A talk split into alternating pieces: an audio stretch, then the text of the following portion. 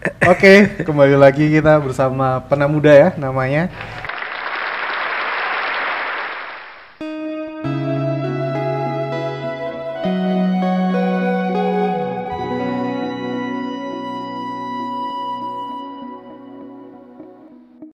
Hari ini kita bakal bahas tentang corona nih yang lagi hot-hot banget nih.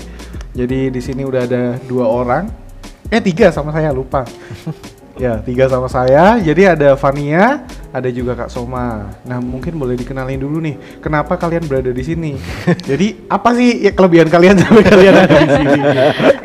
Oke mungkin dari Kak Soma dulu kali ya. Ya, aku sifatnya diundang nih. ya, eh, saya dari GK Tobo Sangke, eh, pelayan di sana dan ya biasalah eh, banyak yang harus dilakukan sebagai pelayan dan memang diundang untuk diundang ke sini gitu loh ngobrol-ngobrol soal kekinian soal corona. Salah saya, saya salah satu penatua di GK Tobo Sangke. Oke dari jauh-jauh dari GKI itu bagus angke ya. Wah mantap banget nih main ke delima. Oke. Oke sekarang Vania gimana? Ya, eh, apa ya? Kelebihannya kayak cuman mahasiswa biasa yang kuliah di kedokteran. Oke, jadi Ya, bakal seru banget nih. Kayaknya kita bakal bahas dari sisi kedokteran dan sisi teologis. Apa dari sisi GKI nih? bisa Dua-duanya, dua-duanya bisa, nih. bisa, bisa. Oke, kita paling ngomongin ini dulu kali ya. Corona itu sebenarnya kayak apa sih? Karena heboh banget kan di luar itu kayak ribuan meninggal. Kak. Terakhir ini udah 10.000 ribu ya. Itu udah sampai meninggal. Emang semerik, semengerikannya itu kah Corona sampai lockdown juga di mana-mana? Itu gimana sih menurut Vania? Oke, jadi sebenarnya eh, corona ini kan virus ya. Hmm. Nah, virus tuh eh, apalagi nih corona cepet banget gitu mutasinya. Dia punya kemampuan mutasi yang jauh lebih cepat daripada bakteri gitu. Nah, kalau corona sendiri ini kan mutasinya sebenarnya udah banyak gitu. Dulu tuh ada human coronavirus. SARS juga gitu. Ya, ada SARS, ada MERS-CoV juga, dan sekarang COVID-19 yang paling baru ini. Uh, tapi uh, walaupun semengerikan itu, sebenarnya virus tuh self-limiting disease gitu. Jadi dia sebenarnya bisa sembuh sendiri. Berarti kalau sama yang flu flu burung gitu, flu babi, mereka nggak satu family ya atau satu family? Enggak, beda, beda. Beda family. Gitu. Kalau ini corona, namanya emang coronavirus gitu dari dulu. Berarti ini bisa dibilang mutasi yang paling mengerikan ya atau enggak? Mutasi yang paling cepat dari dulu. Ya. Serem juga. Terus berarti karena memang mengerikan ini, berarti bisa dikonklusikan nggak ini mengerikan? Eh, mengerikan karena penyebarannya sangat cepat. Gitu. Selain itu, tapi kalau dari jumlah korban kayaknya nggak sampai sebanyak itu ya, Ap- Corona. eh, dibanding sama yang sebelumnya. dibandingkan sama yang sebelumnya tuh karena SARS sama MERS-CoV itu nggak sampai jadi pandemi. Kalau sekarang seluruh dunia nih. Oke, Iya. Berarti emang segitu. Nah kalau kalau kalau kayak begitu sebenarnya apa apa sih sebenarnya yang bisa nyebabin dia apa ya di- dia bisa bisa nyebar spreadnya itu eh, jadi eh, global gitu loh. Apa sebenarnya faktor apa yang bisa menyebabkan dia jadi spreadnya terlalu terlalu cepat? Eh, kalau virus tuh lebih ke kontak fisik sih terutama. Oh. Bisa juga ada juga berapa yang dari udara, Mm-mm. droplets Mm-mm. eh, atau kontak fisik itu tadi. Hmm, droplets Nah, itu yang bikin- droplets itu apa? Eh, droplets tuh cairan dari apa? Mulut. Iya. Oh. Air kayak air liur. Air liur yang Ya, air yang liur. yang nyemprot gitu ya. Iya. jadi jadi That's why harus social distancing tuh. Oke, berarti kita sekarang ini kayak nggak ini ya. Berarti kalau di antara kita ada yang kena, Bisa juga. semua kena ya? Iya. Lewat kabel enggak? Oh, enggak. Oke, Tapi nggak semua lebay. bisa sakit gitu. Beberapa orang yang imunnya bagus tuh cuman Oke. jadi karier istilahnya di uh, kedokteran. Oh. Jadi makan pembawa. ya. Iya, iya. makan ya. Iya, kali ini. Dikasih pizza. Thank you loh ini tuan rumahnya nih. Mantap bener. Iya, jadi kalau kalau apa? eh, kalau jadi carrier seberapa seberapa besar sih sebenarnya kemungkinan orang jadi carrier gitu? Maksudnya ya kan setiap sistem imun sistem imun orang kan beda-beda gitu ya. Tapi seberapa besar sih dia bisa jadi carrier gitu loh? Kemungkinan besarnya 100%, 90% kah? Kalau misal kita bersentuhan sama yang positif corona gitu, ya kita eh, karier. Hmm. Itu kita pasti karier. Hmm. Tapi kita belum tentu sakit.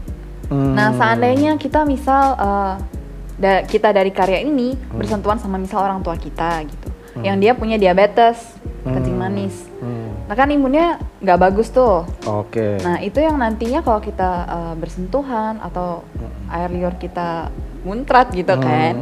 Nah itu yang bikin dia jadi uh, positif dan akhirnya sakit. Hmm. Tapi tapi kan tapi kan tapi kan eh, apa orang sakit gula ya? Mm-mm. Hubungannya dengan coronanya sendiri apa gitu? Karena kan setahu se- setahu kita corona itu menyerang respiratori, respi, Iya, respiratori. respiratori. Iya. Uh, Sebenarnya tuh bukan penyakit diabetesnya yang berhubungan sama coronanya, tapi imunnya. Hmm. Karena kalau imunnya bagus dia nggak sakit. Oh. gitu dia cuman jadi pembawa itu tadi karier Oh. itu doang Tapi sebetulnya kalau misalnya kita salaman nih sama orang yang kena corona, terus kita kan jadi karier tuh. ya Terus eh, apa namanya? Itu bisa bertahan berapa lama itu di tangan kita? Atau di badan kita kali ya? Iya, atau itu misalnya di tangan kita dia bisa ngerembet gitu apa? Ini awam nih pemikiran orang awam kan? Kok dia bisa jalan ya ada kakinya kayak gitu. merembetnya itu kan karena kita kan kalau dari tangan ya kita kan sentuh baju kita kita sentuh muka kita sentuh rambut dan Oh tuh dia langsung multi multiplikasi iya dia langsung uh, nyebar gitu di tubuh dan uh, virus itu kan butuh host ya jadi Hmm. kayak dia butuh uh, apa seperti manusia atau hewan seperti kelelawar itu makanya bis- bisa uh, bertahan hidup kalau misal dia di benda-benda mati dia bisa berapa jam kalau misal di logam tuh berapa jam aja tapi kalau di plastik itu lebih lama berhari-hari Oh di plastik lebih lama? iya di Oh, plastik di lebih lama plastik lebih lama. ya? Oh baru tahu. Saya baru tahu kalau di plastik Iya, itu jauh baru tahu. lebih. Jadi di logam Jadi dia lebih lebih cepat. buat kita. ya lebih cepat Oke. Oke, jadi berarti aman ya kalau misalnya ini tangan terus habis itu pakai hand sanitizer berarti udah 100% Eh, clear. sebenarnya hand sanitizer-nya kalau misal cucinya juga nggak bener Apa pengaruh merek? Oh enggak ya. Oh Yang berarti mahal lebih berarti, bagus. berarti berarti berarti benar dong ya. Berarti hand sanitizer itu tidak tidak menyelamatkan tapi hanya uh, proteksi sementara gitu ya. Karena memang harus dicuci ya gitu ya. Eh, gini, hand sanitizer bisa Mm-mm. kalau dia mengandung alkohol 70% Hmm. gitu. Tapi masalah masalahnya adalah orang-orang itu cuci tangannya cuman gini. Cuman ya sekedar gini-gini aja. Hmm. Tapi Jadi itu virusnya geli-geli dong gitu. Kurang lama ya. ya kurang lama, bukan kurang lama ya, kurang Bersih. tepat. Oh, kurang Jadi nggak semua bagian tangan ini kena gitu. Oh, ya kalau kalau kayak begitu memang benar benar-benar mesti apa ya, mesti cuci tangan ya. Soalnya kan mulai beredar tuh yang di banyak WhatsApp juga segala macam hand, hand sanitizer itu nggak nggak membersihkan karena ternyata dia kum, apa virusnya itu mati di kulit tangannya tanpa dibersihkan gitu. Kan mau, masih nempel juga Ya, tapi gitu-gitu nggak ya. nembus kan? Kulit nggak nembus kan? Eh sebenarnya nggak nembus kecuali dia ada Luka. luka, atau mungkin eh, seperti di hidung gitu. Pokoknya yang eh, kita kan punya lubang ya di tubuh ya, lubang hidung, lubang telinga. Nah itu itu lubang bisa air masuk. mata gitu Air ya. mata ya. Oke. Wow. Baru tahu Berarti juga ya. Sampai segitunya ya. Tapi mungkin dia yang penting berarti kita harus cuci tangan, tangan terus sesering raj- mungkin. rajin mandi gitu Rajin, ya. ya. Jadi yang yang pada pada nggak mandi itu mesti tobat, bertobatlah kalian. Bertobatlah. nah, terus habis itu eh, tanda-tandanya sebetulnya apa sih? Kalau misalnya kita kena kan kadang pada aduh ini corona nggak ya? Gue kena Iya, corona nggak ya? Itu Betul. gimana sih kayaknya? Heeh. Eh, mungkin kalau yang sakit kali ya. Kalau yang sakit itu dia pasti demam dulu biasanya. Jadi pertama kali dia terinfeksi, misal kan dia punya masa inkubasi yang Hmm. eh, sekitar dua minggu ya. Nah Itu pasti dia, itu dua minggu. Ya nggak nggak tentu. Itu perkiraan. Jadi tergantung bisa tergantung lebih, imunitas badan ya. Oh, oke. bisa kurang, bisa lebih. Eh, biasa sih dua minggu, sekitar dua minggu. Nanti dia akan menginvasi eh, apa di tubuh kita. Hmm. Terus abis itu pertama kali pasti antibodi kita nyerang dong. Hmm. Ini kan ada ada ada yang jahat nih harus Otomatis diserang gitu. badannya. Ya itu kompensasi dari tubuh kita itu demam biasanya. Jadi pasti biasanya demam. Tapi abis abis demam tuh turun dulu, demamnya turun. Baru ada gejala misal kayak batuk, sesak. Tapi sesak biasanya belakangan sih. Jadi kalau misal batuk pilek nggak teratasi dengan Oh. Oh, baik, pilek juga dia ya. iya biasa ada pilek juga karena respiratori. Jadi itu Pak, jadi sesak napas itu adalah eh, apa the final step dari dari ini ya, dari dari Eh, belum tentu, cuman biasanya pertama kan pasti yang muncul pertama itu Demam. Eh, setelah demam itu batuk pilek dulu Mm-mm. gitu, baru nanti sesak karena sesak itu kan bagian paru-paru ya. Kalau batuk pilek kan di bagian Hmm, hidung hmm, atau paru-paru. ya sakit atau tenggorokan juga. atau mungkin eh, batuknya disertai dengan sesak napas gitu, bisa jadi Bisa gitu. ya? jadi, bisa. Oh, flu-nya disertai dengan sesak napas gitu Iya, bisa. bisa. Tapi Oh. batuknya itu ada ciri khasnya nggak? Atau sama aja kayak kita batuk-batuk? Dia tuh nggak nggak ada khasnya kalau misal batuk ha, apa batuknya harus kering atau batuk Basah. berdahak gitu ya. Hmm. Nah, itu dari mukosanya sebenarnya. Dari Jadi, apa? Mukosa tubuh kita. Jadi kayak Waduh, istilah apa lagi? eh, lapisan di tubuh kita ya. Hah? di tenggorokan itu punya namanya mukosa. Jadi kayak lapisan yang sebenarnya buat ngelindungin kita. Oh. Jadi depends ke orang yang kena itu ya. Berarti kalau misalnya udah demam, terus habis itu mulai batuk, atau pilek atau Pilek. batuk pilek, betul ya? Iya. itu Batuk, baiknya pilek, gimana? atau pilek? Setelah itu baiknya gimana? Langsung Iya sebaiknya kalau kayak gitu ya langsung ke dokter. Buat kita pastiin itu sebenarnya flu yang lain atau itu Flu corona. corona gitu. Oh, oke. Oke, tapi ya serem juga ya. Pasti banyak yang parno juga ya. Iya, gini. tapi bedanya adalah kalau flu atau batuk biasa tidak dimulai dengan eh, demam dulu berarti ya? Iya eh, belum tentu. Belum tentu ya. Belum tentu Wah, juga. ini yang bikin kita Ini jadi berarti benar-benar bisa tanpa tanda-tanda terus. Iya. Tapi pasti akan batuk ya. Itu pasti kan. Eh, ada juga yang Langsung sesak gitu. ada juga yang sesak. Mungkin dia batuknya cuma kayak sekali. Dia nggak sadar kan kalau dia batuk kalau cuma sekali atau dua kali Wow. doang. Terus ya ngeri ya batuk sekali. Oh, jarang-jarang terus besok Tapi mati. biasa. Aduh. Gitu. Kita parno itu takut juga kan. RIP gitu ya. Jadi benar-benar oke berarti kalau misalnya kita udah ngerasa tanda-tanda kayak gitu ada baiknya langsung kontak ya pemerintah. Nomornya berapa lagi kemarin? lang- langsung kontak rumah sakit kali bukan pemerintah. Iya rumah. Bukan ya? Oh iya, terus ini kan kita udah tahu nih. Terus buat tindakan preventif tadi selain cuci tangan kan orang juga kemarin pada parno tuh pada beli masker mau diborong. Hmm. Itu sebenarnya ngaruh nggak sih? Eh, sebenarnya buat kita nggak jadi karier aja sih. Kalau masker kita sehat biar kita nggak Nggak eh, jadi carrier. gitu. Oh. Nggak jadi karier. Oke, tapi sebenarnya sama aja ya kalau kita pakai masker terus habis itu kita kucek-kucek mata Iya gitu. sama aja. Apalagi kalau misal kita habis pergi nih, kita buka masker, kita pegang maskernya kan. Iya, itu Nah, dia. hirup, hirup aja terus. Jadi pada pada pada, pada prinsipnya sebenarnya masker nggak nggak ngaruh Berarti gitu ya. ngaruhnya lebih ke cuci tangan ya? Iya, lebih ngaruh ke cuci tangan, Ah, lebih sama ke sering mandi. hygiene. Iya, Lu sering hygiene mandi. diri sendiri sih Iya iya. sebenarnya. Jadi kalau berkunjung ke rumah orang, mohon maaf saya mau mandi gitu ya. Udah disediakan aduknya.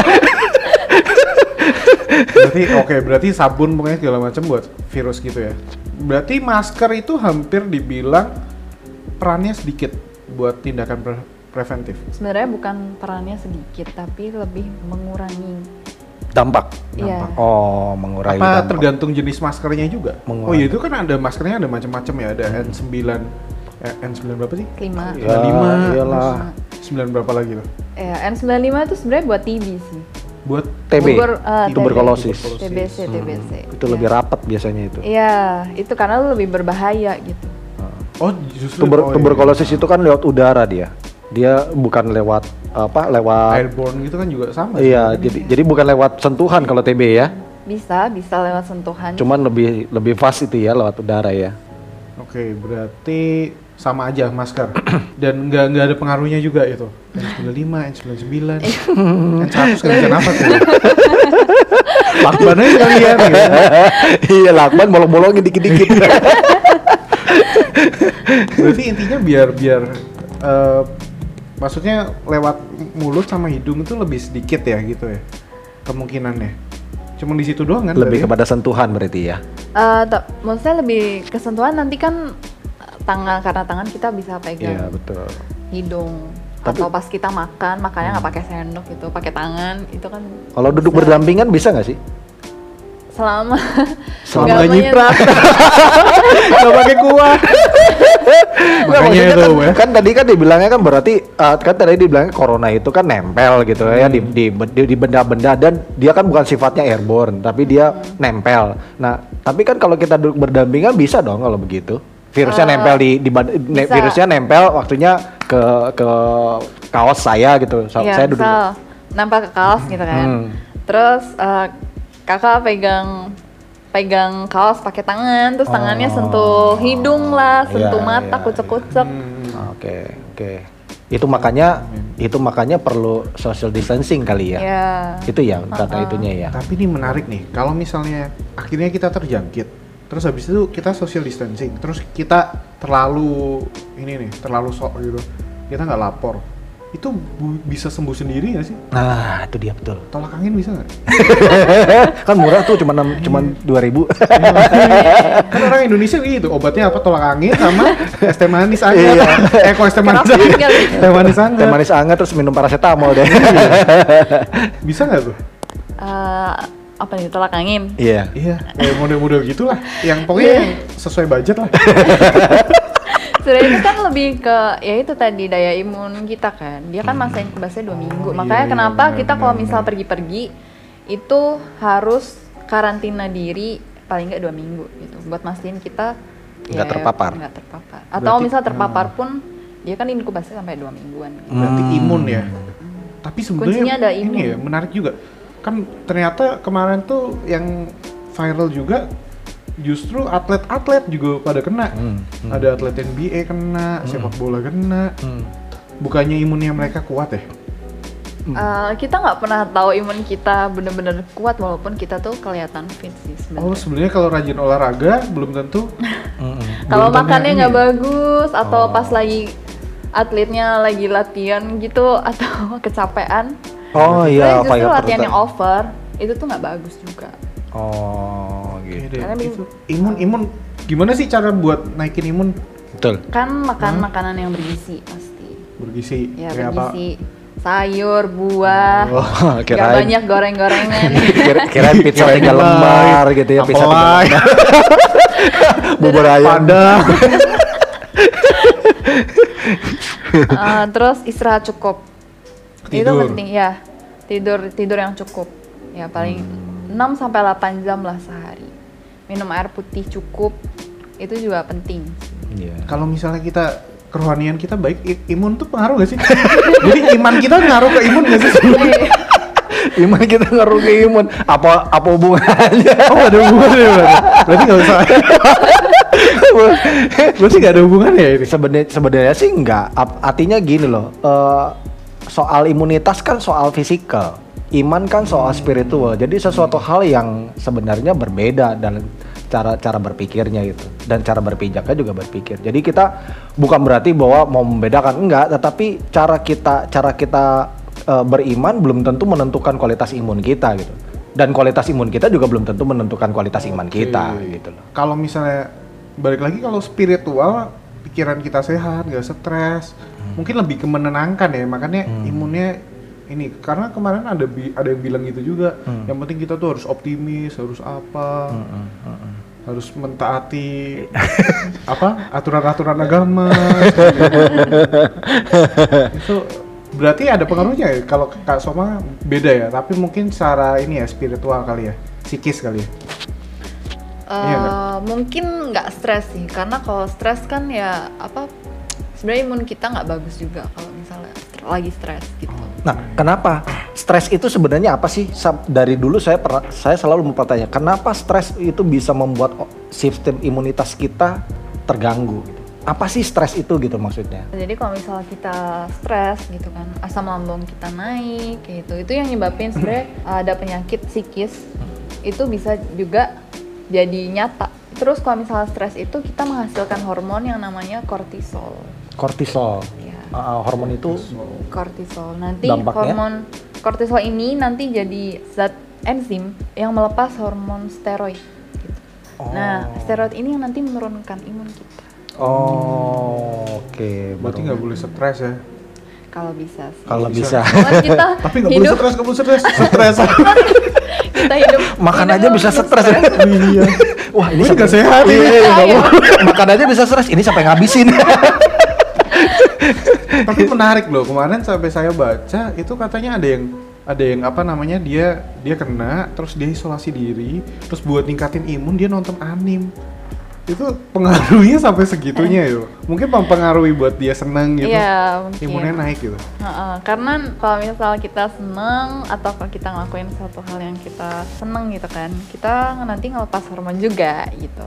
oh berarti bener ya secara secara kedokteran saya kira cuma pembelaan wibu-wibu di sana iya, bener juga sih ya. oh iya nonton anim nonton anim wibu makin banyak seneng iya, iya, iya. berarti pengaruh di situ. Nah, berarti kan tadi kita bisa sembuh sendiri kan, tergantung imun kita, ya kan? Nah, tapi ya tetap ada baiknya dimonitor ya sama orang-orang Iya. medis. Nah, kalau misalnya kita udah sembuh, bisa kena lagi nggak sih? Buat kena lagi sih enggak. Jadi di antibody kita itu udah mengingat virus ini Oh. gitu.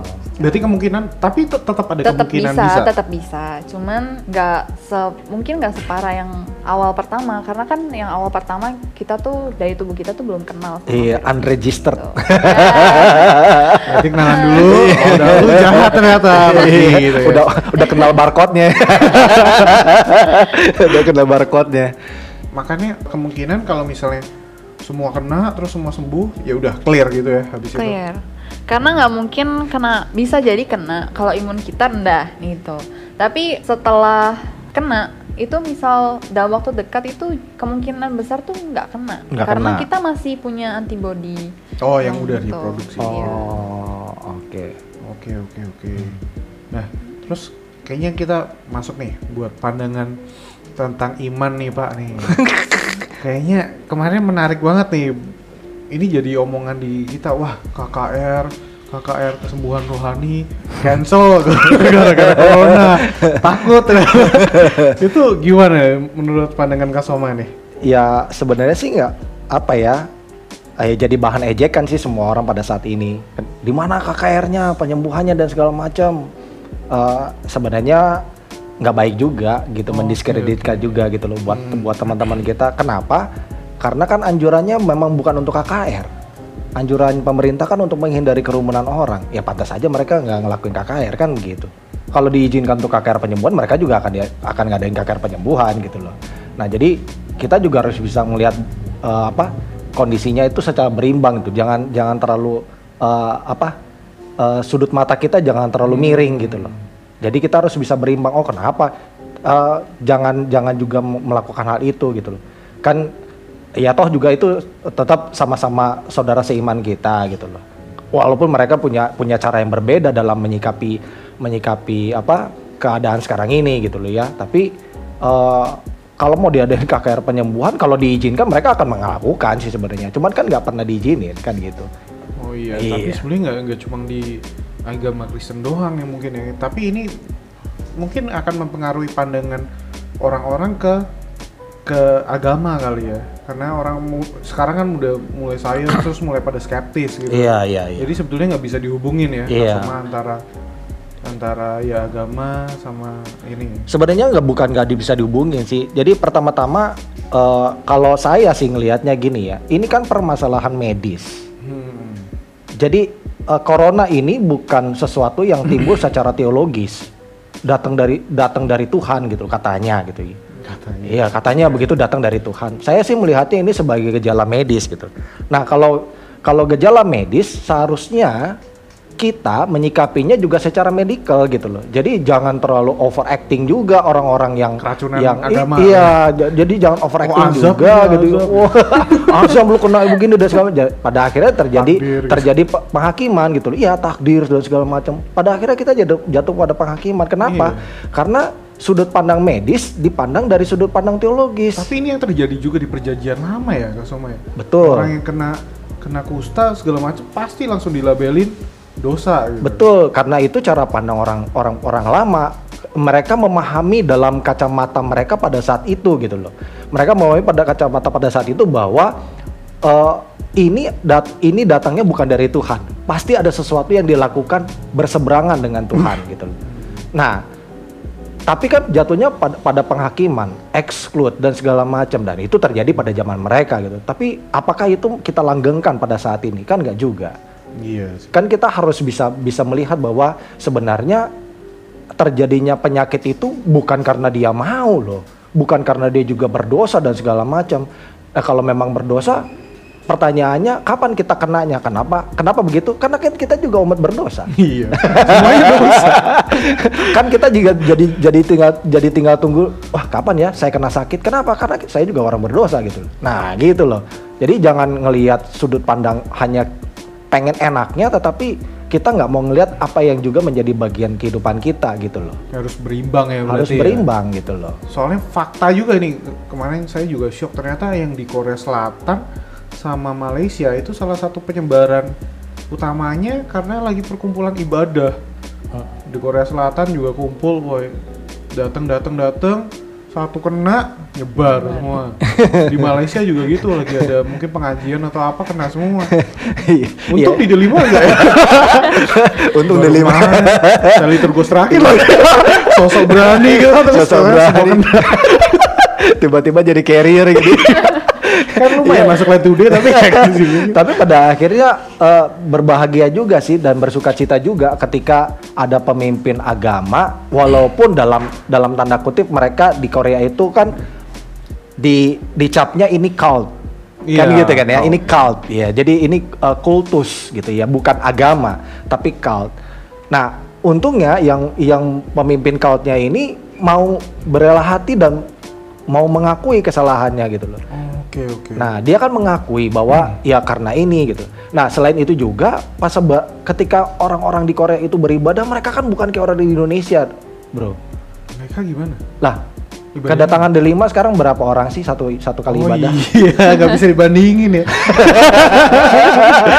mereka sekali ibadah bisa 3000, 4000, 2500, 6000 orang. Pantas aja mereka bisa langsung terpapar. Kenapa? Karena begitu masifnya orang yang datang gitu. Begitu besarnya jumlah orang yang datang. Nah, DD5 atau di Tobago Sangke, Tobago Sangke hanya 120, 110. Jadi nggak kelihatan gitu loh. Sehingga pad- sehingga ya saya pikir gitu ya, kita jadi agak-agak enteng gitu ngelihatnya. Padahal sebenarnya Oh, sama, sama aja. aja. Padahal sama aja. Justru kita harus berkaca kepada eh, apa orang-orang di Korea yang pada akhirnya mengatakan bahwa jangan sampai gereja jadi penyebar utama gitu loh. Karena eh, agak ngeyel dibilanginnya gitu loh. Merasa bahwa wah enggak ah kalau udah beriman sama Tuhan segala sesuatunya akan akan Keracunan. kalau beriman sama Tuhan segala sesuatunya akan Tuhan mudahkan. Emangnya Tuhan pembantu lo? Emangnya Tuhan tuh security lo yang tukang jagain lo dari virus? Kan nggak gitu juga. Kita harus merubah pola pandang itu gitu loh. Tuhan itu jangan kita jadikan sebagai budak gitu loh. Justru kita kan jadi hambanya Tuhan. Jadi kayak kita sok kuat gitu ya. Iya. Unik Gitu. banget ya berarti. Iya, dan sekali lagi saya bilang bahwa ini hal medis gitu loh, teman-teman ini hal medis gitu. Jadi jangan eh, hal-hal medis ini lalu kemudian dikait-kaitkan dengan soal apakah kita beriman atau tidak dengan gini. Ini ini bukan soal iman, ini soal medis yang kita harus sikapi secara medikal juga gitu loh. Nah itu sih kuncinya buat saya gitu loh. Berarti kalau misalnya preventifnya ada tindakan preventif nggak dari segi spiritual gitu? Nah tindakan preventif se- dari segi spiritual itu pasti ada. Hmm. Artinya pertama kita jangan lupa bahwa kita adalah orang yang diciptakan oleh Tuhan. Artinya bahwa kita ini makhluk yang kodrati. Ada yang adikodrat- adi- adikodrati di, di, di luar kita yang menguasai kita, yang menciptakan kita. Oleh karena itu, secara spiritual dan secara iman Kristen harusnya kita tetap berserah kepada Tuhan. Itu yang paling penting nih. Itu yang paling penting. Kita harus punya keyakinan bahwa Tuhan mampu menguasai segala sesuatunya. dan Tuhan mampu bekerja di dalam segala sesuatunya. Cuman tindakan preventif yang kedua adalah Tuhan juga memberikan kepada kita otak, pikiran untuk bisa mengantisipasi apa sih sebenarnya yang harus kita lakukan sebagai orang beriman gitu. Jadi antisipasi kita bukan antisip bukan cuma sekedar antisipasi spiritual gitu, tapi antisipasi secara medikal juga, antisip antisipasi sebagai seorang manusia. Bahkan di dalam di dalam apa di dalam perjalanan kita pun kan di dalam perjalanan bangsa Israel pun kan bangsa Israel juga diberikan patokan-patokan. Ini loh jangan begini, ini loh jangan begini loh. Nah, ketika itu dilanggar, nah yang yang rugi kan bangsa Israel pada akhirnya. Ya begitu juga dengan kita, kita diberikan otak. Ketika tahu ada Nah, ma- gitu, ketika ada tahu ada bahaya di depan, ada petaka di depan, masa iya kita tabrak? Seolah-olah kita mau mengedepankan Tuhan itu di depan, di depan ada bahaya, lu aja yang tabrakin Tuhan, gue mah tenang-tenang aja gitu. Kan itu bahaya sebagai sebagai seorang seorang Kristen yang pada akhirnya. Hmm. Nah, nilai spiritual kita justru terdegradasi dengan itu. Jadi semakin rendah, merendahkan Tuhan pada akhirnya. Jadi kayak kita pakai ini ya, peng- apa? Bersandar pada pengertian Kekuatan kita betul sendiri. pengertian kita sendiri gitu loh. Jadi ya itu pesan saya sih sebenarnya bagaimana kita tindakan pre- preventif kita adalah kita benar-benar percaya dulu sama Tuhan bahwa ada kuasa Tuhan, tetapi di satu sisi bahwa Tuhan memberikan kepada kita kemampuan untuk mengatasi secara manusiawi. Kita diberikan logika, kita diberikan kita diberikan relasi, kita diberikan informasi, kita diberikan media. Itu semua sudah diberikan oleh Tuhan buat kita untuk menjaga diri kita. Nah, bagaimana tergantung kita menyikapinya akan pada akhirnya gitu. Kalau pada saat ini, ke- kalau pada saat ini secara medikal dilihat bahwa kita memang harus kita harus memang menjaga jarak secara sosial, kita lakukanlah. Demi untuk siapa? Demi untuk kelangsungan kehidupan banyak orang loh, bukan buat bukan diri kita sendiri, tapi kelangsungan banyak orang. Kan gitu. Berarti bener juga ya, emang berarti kesannya egois ya kalau mungkin kita Ya. terlalu ini banget ya. Betul, kesannya kesannya jadi memang kesannya jadi egois. Pertama-tama gue ngerasa sih juga seperti itu ya. Kok kita jadi diajak untuk egois gitu ya? Hmm. Kalau dalam kacamata egois. Tapi kalau kita ngelihat dari dari kacamata komunal, dari kacamata sosial kita, ini bukan tindakan egois. Ini bukan soliter loh teman-teman. Beda ya. Soliter dengan social distancing itu itu dua hal yang berbeda. Kalau soliter adalah mengunci diri. Ya, mengunci diri. Social distancing adalah ber- masih berada bersama-sama dengan orang lain tapi berjarak. Jadi itu bedanya. Kita harus pinter-pinter di situ gitu loh. Jadi ini bukan tindakan egois, bukan. Tetapi bagaimana kita berjarak dengan orang lain karena ada sesuatu hal ya, karena ada sesuatu hal. Hmm. Nah, gitu. Tapi Fania 100% setuju. Hmm, sebenarnya setuju aja sih. Cuman kalau misal apa lebih baik kan kita jadi mengunci diri daripada eh, bikin orang lain sakit. Itu kan merupakan tindakan yang gak egois sebenarnya Hmm. Buat sekarang. Ini- itu itu masuk dalam persekutuan kan? Karena ada yang bil, apa di ayat Alkitab kan janganlah kamu menghindarkan ka- dari perkumpulan-perkumpulan ibadah. Ibrani pasal 10 ayat 20 dan ayat Wah, itu 25 udah- itu, betul. karena Cuma betul, betul, itunya. betul, betul, betul. gitu. Betul betul. iya. Tapi di dalam nilai-nilai persekutuan itu kan kita juga harus melihat nilai-nilai kemanusiaan. Hmm. Berarti- bersekutu bukan berarti lu pada akhirnya ngilangin nilai-nilai kemanusiaan gitu. Oke, oke sekarang kan berarti khususnya mungkin karena kita di GKI ya kita ngelihat kayak wah dulu nih kayaknya kita kalau misalnya online wah itu nggak boleh nih kita ngomongin nih streaming apaan nih gitu. tapi sekarang kita streaming juga Streaming juga gitu ya, Iya kan? akhirnya gitu ya. Nah, itu kalau misalnya sekarang kita udah dilegalkan, ya kan? Sekarang kita udah dilegalkan, oh ya juga boleh nih streaming. Apakah mungkin ke depannya gereja akan seperti itu? Nah, permasalahannya di GKI tidak di GKI berdasarkan surat BPM, BPMS yang saya baca bukan untuk mempermanenkan. Nah, itu perlu perlu diingat. Oke. Kita tidak dipermanenkan, tetapi mengingat situasi kekinian, oleh karena itu kita diminta untuk memakai media komunikasi yang memampukan kita di dalam jarak sosial di dalam berjarak sosial ini kita masih bisa bersekutu. Tapi dalam dalam masa temporal, tidak permanen loh ini, tidak permanen. Sehingga ketika banyak orang, wah ini jadi jadi legalitas nih, nggak juga gitu loh. Ini hanya temporal, temporal. Ketika nanti keadaan keadaan lebih baik, nah kebiasaan untuk bertemu lagi akan akan akan dikembalikan lagi. Cuma permasalahannya memang yang perlu dicermati oleh banyak orang, terutama untuk anak-anak muda, buat kita sebagai warga gereja adalah terkadang ketika sudah kita sudah terbiasa dengan kebiasaan yang satu, Enak deh. Nah, Kapan enak lagi nih. di gereja duduknya jegang nih. Kapan lagi gue bisa pakai celana pendek ke gereja? Sambil makan nasi uduk. sambil sambil nyabu pagi-pagi lihat pendeta kalau nggak seneng gue matiin aja. Iya, kan, kan begitu ya. Jadi sebenarnya ini temporal. Karena eh, kenapa ini tidak dipermanenkan karena hal itu teman-teman. itu ya. Jadi yang memang nggak enak gitu loh. Memang tidak nyaman buat semua orang. Terutama untuk orang-orang tua yang mungkin kelihatannya jadi gaptek gitu. Gua nggak ngerti mau live streaming di mana dan segala macam. Oke, tapi itu kan hanya opsi. Permasalahannya, apakah opsi itu menjadi sesuatu yang bisa lu, lu, lu lakukan atau tidak? Kalau nggak bisa lu lakukan, kalau kalau kalau kalian nggak bisa lakukan, toh masih ada renungan-renungan yang bisa diakses di dalam buku-buku yang memang ter- tercetak untuk orang-orang tua. Why not? Jadi sebenarnya nggak terkungkung juga gitu loh, nggak terkungkung juga. Yang mengungkung hanya diri kita dalam ber- berpikir aja gitu loh. Berarti tetap temporal ya. Iya, tetap temporal. In case ada case ini, case itu. Iya. Tapi misalnya ini kan kita nggak tahu ya ini sampai berapa lama. Mm. Terus mungkin nggak sih kalau misalnya kan kita selalu diajarkan di iman Kristen tuh kasih kasih. Hmm. Gimana caranya kita mengasihi kalau kita hidupnya sendiri social distancing gitu. Kita mau ngasih? Gimana lu?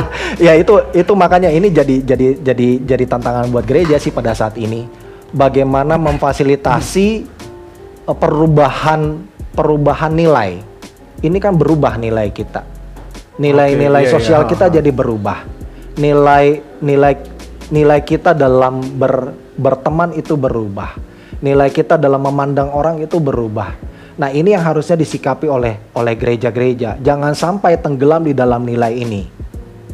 Nah, jadi ada pengalaman eh, ada seorang ada seorang guru yang berusaha untuk menerapkan eh, kebiasaan untuk salaman nih, kebiasaan untuk salaman. Nah, anak ini rada rada ngeyel, nggak bisa salaman dan segala macam, susah banget. Pada saat ini sudah mulai nih dan diajarkannya itu selama empat tahun untuk mengajarkan sopan santunan. Tapi gara-gara virus corona ini apa yang diajarkan bisa musnah dalam hitungan hari. Tidak lagi bersalaman, tidak lagi mengucapkan selamat pagi dan segala macam karena social distancing. Nah, ini hal-hal ini yang harus dijaga oleh uh, teman-teman uh, di bidang sosial gitu ya. Ya, uh, terutama teman-teman di gereja jangan tenggelam dengan dengan no- norma yang baru ini gitu loh. Justru kita harus aware dengan norma yang ini. Berarti ya tetap adaptif ya gereja tetap adaptif. Harus, gereja harus tetap adaptif kok. Kita jangan terkungkung dengan nilai-nilai yang eh, kita anggap itu harus ada gitu ya. Tapi membahayakan orang lain. Itu bahayanya. Jangan sampai gereja menjadi justru sumber malapetaka. Itu nilai gitu. Iya. Kalau memang kalau memang ada ada ada cara lain, metode lain buat kita untuk beribadah dalam dalam rangka ini ya sekali lagi dalam rangka mengunci wabah ini, kenapa tidak? Ini kan temporal sifatnya teman-teman. Jadi jangan anggap ini menjadi sesuatu hal yang jadi permanen gitu. Ini temporal. Justru kita harus menyikapinya dengan baik. Gitu aja sih buat buat buat saya ya. Jadi ini bukan masalah soal beriman atau tidak gitu loh ya. Tapi bagaimana kita menyikapinya dengan bijak. Oh iya, oh iya saya juga keinget lagi nih Kak Soma. Hmm. Kemarin ngobrol-ngobrol sama teman kan. Hmm. Terus habis itu dibilang tuh, wah tapi dulu aja Tuhan Yesus deketin orang kusta. Kan dia tahu itu bakal nular. Kenapa dia masih deket? Kita harus serupa dengan Tuhan Yesus. Kita deketin dong. Ya kan? kita, kita de- deketin, de- dong. deketin dong, deketin sumber penyakitnya dong gitu ya. iya. Kan kita serupa dengan Tuhan gitu. itu gimana tuh? Iya, tapi eh, saya juga bingung jawabnya waktu itu soalnya tapi permasalahannya gini, kita harus ngelihat dulu dalam konteks apa Tuhan Yesus mendekati orang kusta itu. oke menarik nih Ya kan dari dalam konteks apa Tuhan Yesus? Kenapa kenapa orang kusta di- didekati oleh Tuhan Yesus? kan itu jadi pertanyaan. Kenapa sih Tuhan Yesus mendekati orang kusta? Karena orang kusta di dalam tradisi Yahudi adalah orang-orang yang dianggap berdosa karena punya apa? Karena sakit yang tadi tadi, yang di awal tadi kita ngomongin. Karena dia berdosa dan dia sakit, lalu kemudian orang itu sakit karena dosa itu, lalu kemudian dia jadi najis. Orang najis itu di dalam tradisi Yahudi tidak boleh disentuh menyentuh orang najis punya pasal-pasal, punya proses untuk membuat dia menjadi tahir. Nah, ketika menajiskan lalu kemudian mengekskludkan orang itu. Menyingkirkan orang itu. Lalu kalau kalau mau disingkirkan, buat apa Tuhan Yesus datang? Buat apa Allah yang sangat, rahim itu, sangat kasih itu datang ke dunia kalau bertindaknya sama seperti orang-orang Yahudi? Nah justru dia mendatangi orang kusta, Yesus mendatangi orang kusta bukan karena dia orang jadi orang super power gitu ya, dokter di atas kebal gitu. Orang Enggak. Kristen kebal. Kalau mengatakan jadilah seperti Yesus kita orang Kristen itu jadi kebal dan kemudian jadilah fenomena sekarang ini ketika ketika orang di uh, apa ada virus corona, wah kita orang Kristen kebal, kita Tuhan kita bisa. Tuhan kita bisa bukan itu jadi jangan ngelihat kayak begitu gitu loh. Tuhan Yesus itu datang ke orang kusta ingin memperlihatkan dan ingin memberi memberikan penjelasan bahwa orang ini perlu sentuhan. Orang ini perlu dukungan. Orang ini, orang-orang ini, sekumpulan orang-orang ini perlu sebuah penegasan bahwa di tengah-tengah itu masih ada orang yang berusaha untuk mengasihi mereka, yaitu Allah Bapa di dalam Yesus Kristus bahwa kasih Allah itu tidak terbatas hanya kepada orang-orang sehat, tapi kepada orang-orang sakit pun Allah justru datang. Berarti motif mungkin ya. Betul. Jadi motifnya gitu loh. Jadi jangan jangan gagabahan dan gagah-gagahan pada akhirnya menghadapi virus corona kayak begitu. Tuhan kita maha kuasa.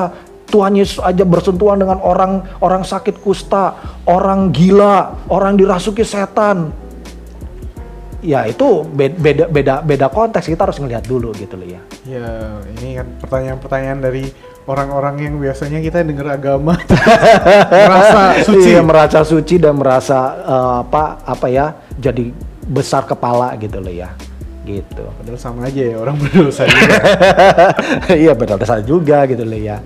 Terus iya. kita kayaknya dari dari tadi kita udah ngomongin dampak negatif gitu corona juga ternyata buat ekonomi kita serem juga ya. Mm-hmm, betul. Tapi kita boleh nggak sih kita ber, berpikir optimis gitu? Kira-kira dampak positifnya apa aja gitu? Okay. Jadi mungkin kita tetap bisa bersyukur kali ya gitu. Betul. Itu boleh nggak sih? Apa kita bersyukur di tengah di tengah penyakit jadi kayak oh ini banyak penyakit tapi puji Tuhan. Tapi mungkin dari Fania dulu kali. Mungkin Fania juga punya sisi makin bersih makin oh, iya. sisi, sisi iya. positifnya kali. Jadi orang-orang tuh semakin aware sama uh, kesehatan dan hygiene dirinya itu pertama. Terus kedua uh, aku aku sendiri ya lihat dari media sosial gitu itu ternyata humanity itu masih ada gitu. Hmm. Oke. Okay. Betul, hmm. Hmm. betul, betul, betul. Jadi kita bisa melihat ke situ ya. Iya, iya. Ternyata kalian masih manusia. ya. kalian bukan saya kira hewan. iya.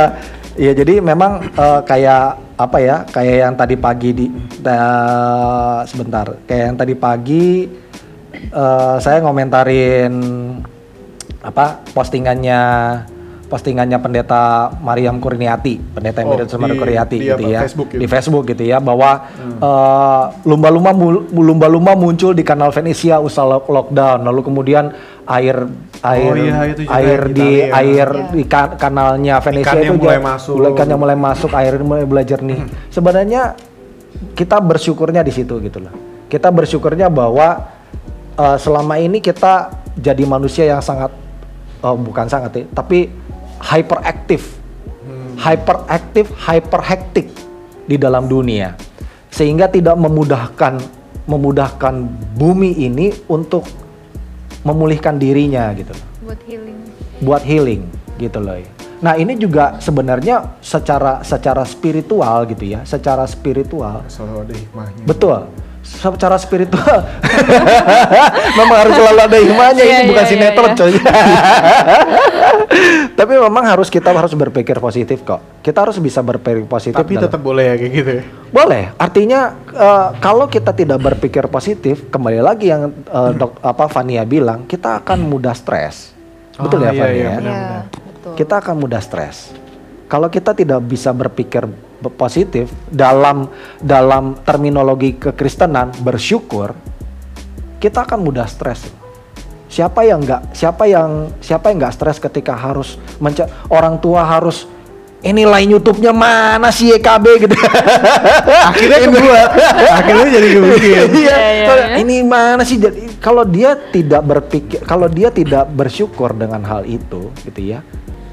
Oh, ternyata saya bisa nih bukanya gitu ya. Oh iya, kayaknya iya itu juga salah satu ya buat mungkin di GKI ya. Iya. Akhir-akhir pada akhirnya banyak GKI sekarang bikin akun YouTube. Dan pada akhirnya kita jadi berhasil uh, why not gitu loh. Kenapa? Iya. Karena teman-teman kita di gereja lain sudah di luar GKI ya. Lain YouTube-nya sudah Iya, gila-gilaan. tapi itu juga bikin subscriber naik loh. Betul. Karena buat kita live streaming minimal seribu. seribu gitu ya. Lumayan AdSense. Oh. Enggak. Lumayan buat pemasukan gereja. Sama-sama ya. Kalau bisa jadi ini partnership ya. Ya, kemarin soalnya ngeliat story kan, ngeliat story ada salah satu Mm-mm. ya GKI lah. Mm. Subscribe dong.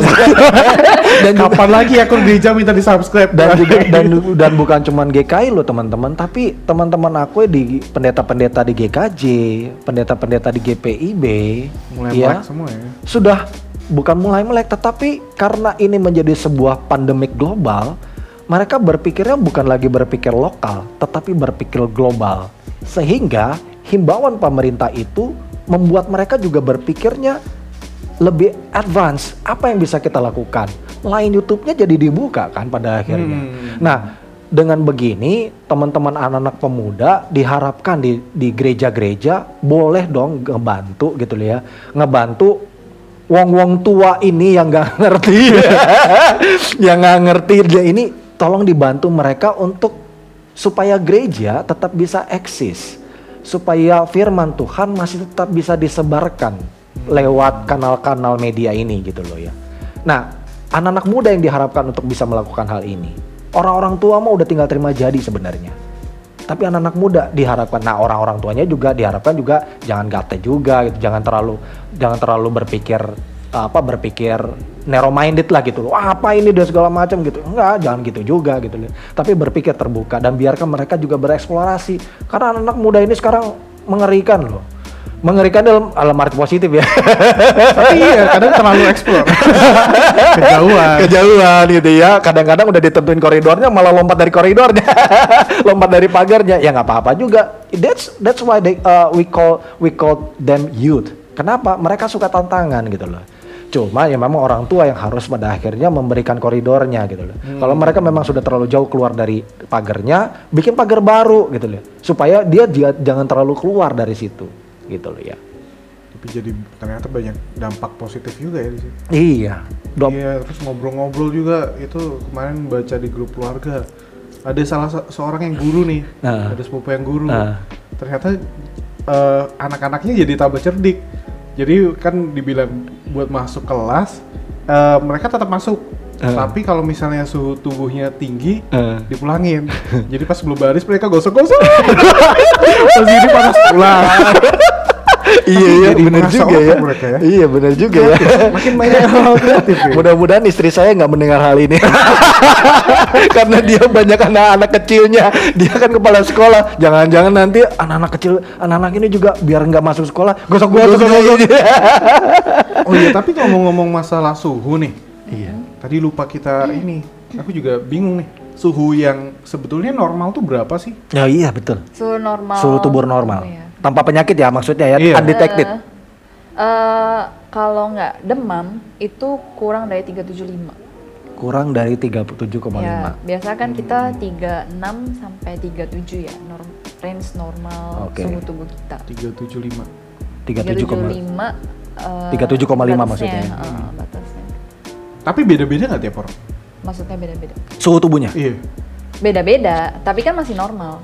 Oh, oke. pokoknya Jadi di range range-nya gitu itu. ya. oke, Oh. iya. Berapa sampai berapa sih sampai Biasanya 36 sampai 37. Tujuh. Waduh, Saya 37,5. kemarin Sempat. Eh, enggak, pa- panas badan saya Oh. normalnya di 37, 37,2, 37,5. Iya, itu masih kemarin saya dites 33. Eh, Eh, eh, itu menjelang hipotermi gitu. nggak sih? Hipotermia.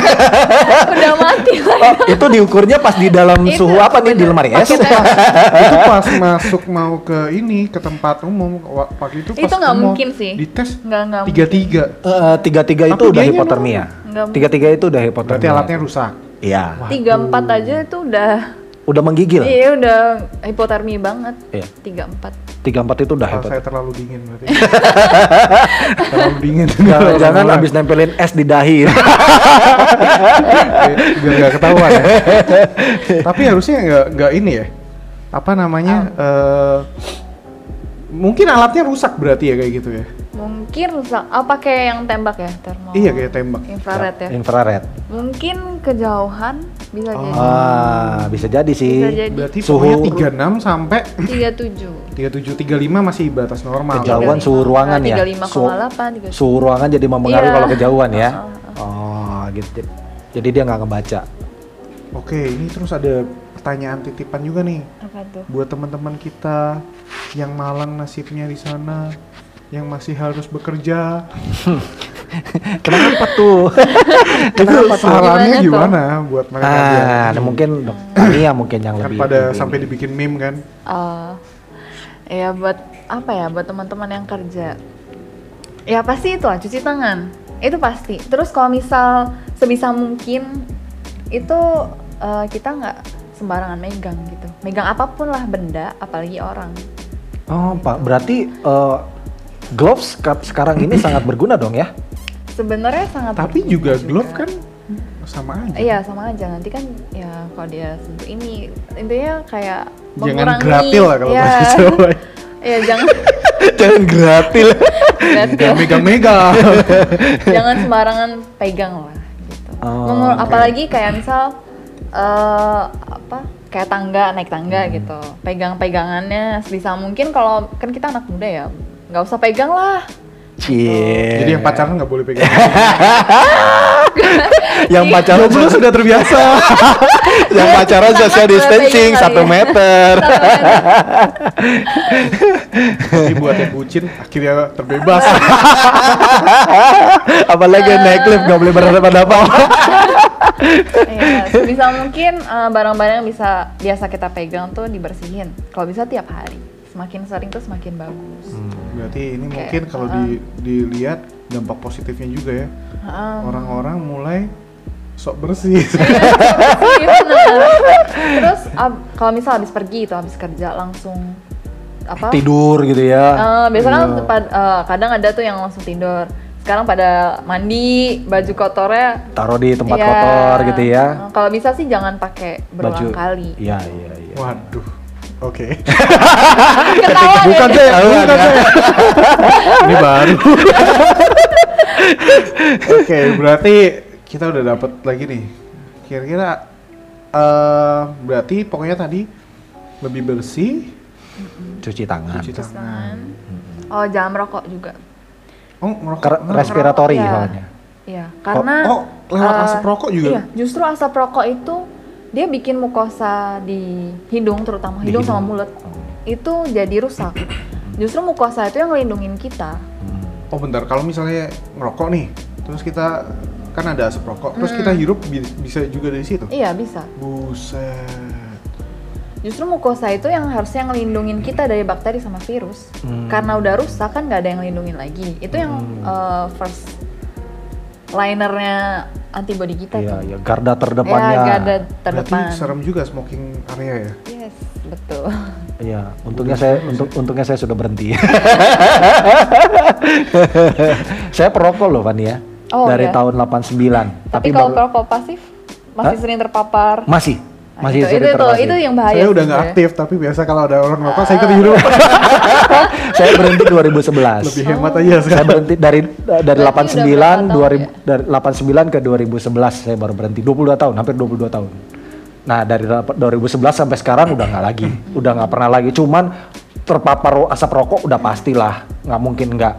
Terpapar asap knalpot ya udah pastilah. Karena saya eh, apa? Saya bike to work kan. Oh, Tapi iya. sejak 2015 udah nggak pernah bike to work lagi sih.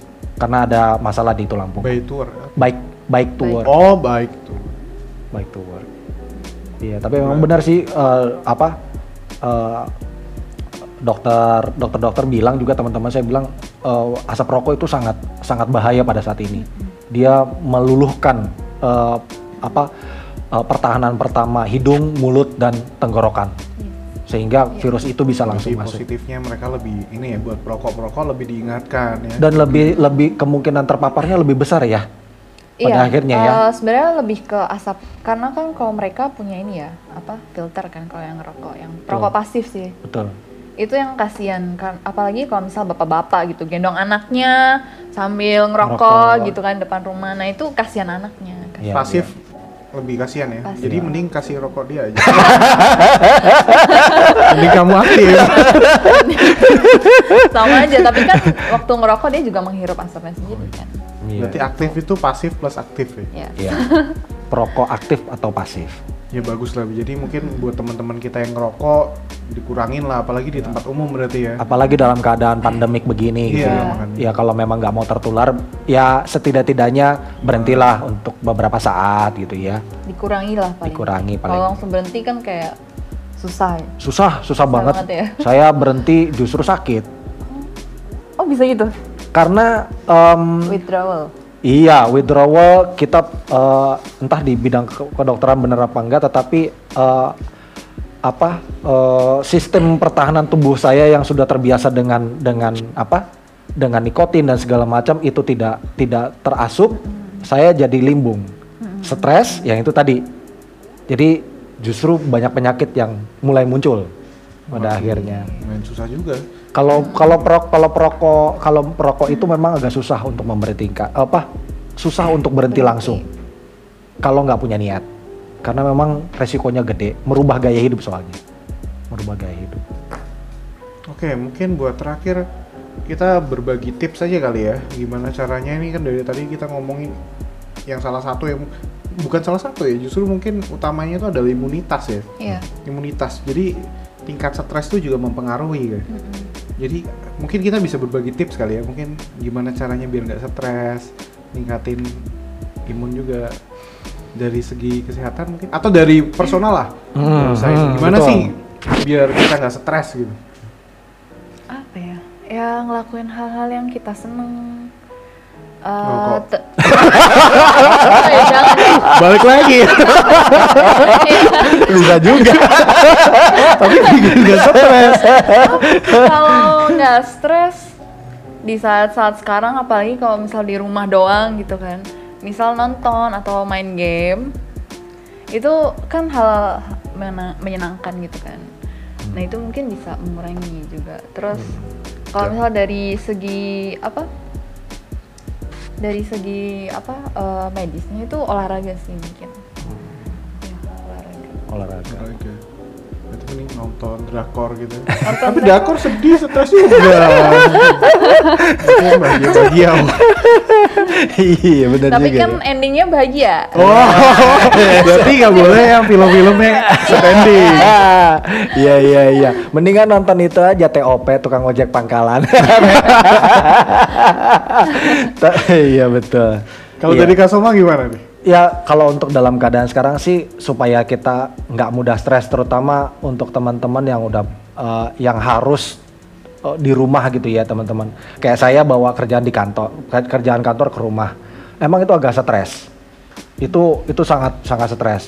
Cuman tipsnya adalah coba berpikir bahwa coba berpikir ya, ini bahwa ini hanya sementara. Itu dulu pertama. Ini cuma sementara. Yang kedua, kalau memang stres, eh, saya terbiasa ngejailin istri. Waduh, Iya. tapi bikin istri stres, Pak. Gimana gitu? ya tapi bukan ngejalin istri tapi bukan berarti membuat dia stres juga. Cuman artinya having fun with your family. Sebenarnya itu yang paling penting. Having fun with your family. Jadi jangan merasa bahwa eh, ini menjadi sebuah kungkungan. Jangan rasa ini jadi sebuah sebuah sebuah kurungan ini. Tapi coba ber coba ber apa bercengkerama dengan eh, anak, dengan istri, dengan eh, apa dengan kakak, dengan adik karena this is a good time. Oke, Itu. waktunya. This is the good time. Gitu ya. Ini this is not uh, with all the bad the bad time we have in this world, but this is the good time. Buat kumpul ya. Iya, jadi di tengah-tengah waktu yang memang apa saat yang memang tidak mengenakan, tetapi di satu sisi ini adalah saat yang baik. Saat yang baik apa? Saat yang baik buat untuk berkumpul dengan keluarga, ngobrol dengan keluarga, anggota keluarga, bercanda yang tadinya lu pikir bahwa ah kayaknya abang gua nggak begini, lu coba bercandain. Hmm. Kan itu jadi jadi jadi lebih enak dan lu punya project pada akhirnya di dalam rumah. Selain bekerja bekerja di rumah, tapi lu punya project. Oh iya ya, gue bisa begini. Oh ternyata abang gue begini, koko gue begini, adik gue begini, cici gue begini, mama gue begini. Ternyata gue jahilin marahnya luar biasa. Gue besok bikin- biar bikin nyokap gue marah. Dan bisa bi- misalnya begitu gitu ya. Tapi pada satu sisi nanti nanti nyokap lu juga ini anak kenapa sih? Cari-cari perhatian ya.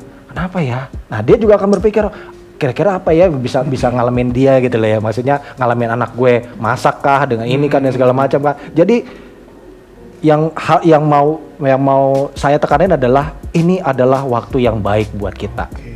gitu loh. Ya menarik sih karena kemarin juga interview yang apa eh, kejadian per- yang satu, dua, tiga juga mereka ngobrolnya gitu support system ya. Iya, Mm. support system. Akhirnya bisa survive juga dari support betul system itu. bayangin ya teman-teman kita yang sekarang lagi positif plus suspek suspek itu lebih PDP.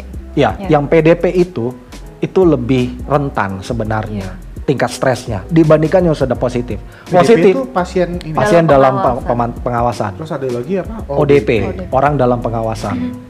Nah, jadi yang pasien dalam pengawasan ini dia belum dirawat loh, betul ya? Belum Dia belum dirawat loh. Itu stres loh buat dia. Iya enggak, iya enggak, iya enggak. Kalau yang sudah positif dia pasti dirawat.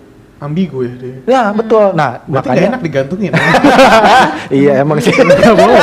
Jadi Makanya jangan iya. gantungin. Jangan pernah gantungin orang, bikin stres gitu. bikin stres gitu kasihan jadi kita juga mesti punya empati sama teman-teman kita ya ini juga jadi imbuhan sih buat kita semua yang yang sedang yang sedang sehat pada saat ini yang memang belum terindikasi terpapar. Kita punya empati lah buat teman-teman kita. Jangan orang yang sudah PDP lalu kita jauhin. Tidak. Jangan begitu. Kasihan mereka. Mereka tuh punya hati loh. Mereka punya perasaan. Mereka juga mereka nggak mau sakit loh itu. Mereka Iya, nggak mau iya. terpapar. Iya. tapi mereka terpapar. Nah, permasalahannya bagaimana kita menenangkan mereka, membuat mereka merasa you are still human. Itu aja. Itu penting sih. Iya, itu penting ya, betul ya. Mm-mm. Jadi ya itu pesan-pesan aku sih sebenarnya. Itu pesan aku. Ya kasihan juga ya berarti dia. Digantungin. Betul. Dirawat ditolak, ditolak. Betul, bener betul. Kasihan loh yang Iya. PDP ini kasihan. Beberapa dan jangan salah, eh, jangan berpikir bahwa kalau di jangan berpikir bahwa anggota GKI jadi imun dengan dengan Ah, virus oke. ini. Jangan berpikir bahwa semua orang saya imun. Enggak. Kita harus berpikir bahwa kita kemungkinan bisa dipap, terpapar. Terpapar. Tapi Gitu. justru malah corona lebih ini ya, lebih man- apa humanis daripada kita ya. Corona tidak padang bulu. Semua agama dia rangkul. Dia dia nggak pandang bulu orang dia pandang manusia. Iya iya iya iya iya. Oke, berarti kita udah dapat nih konklusinya ya. Tadi udah bagi tips juga. Intinya jangan stres teman-teman. Terus juga kalau ini rajin-rajin mandi, bener kan? Betul. Iya, Rajin mandi, betul. ngomong jangan ciprat. Rajin. Pakai kuah. Rajin bebersih lah. Ya, jangan Ya. gantungin orang, bikin stres. Oke lah, thank you banget ya buat waktunya Kak Soma Sama-sama Eski ya. sama Fania. Oke. Thank you juga buat tuan rumah di sini sponsor. Wes mantap. Iya, luar biasa loh. Gratis semua ada pizza juga. Terima kasih. Oke, sampai jumpa lagi di Pena Muda berikutnya, teman-teman. Sampai jumpa lagi. Sampai jumpa.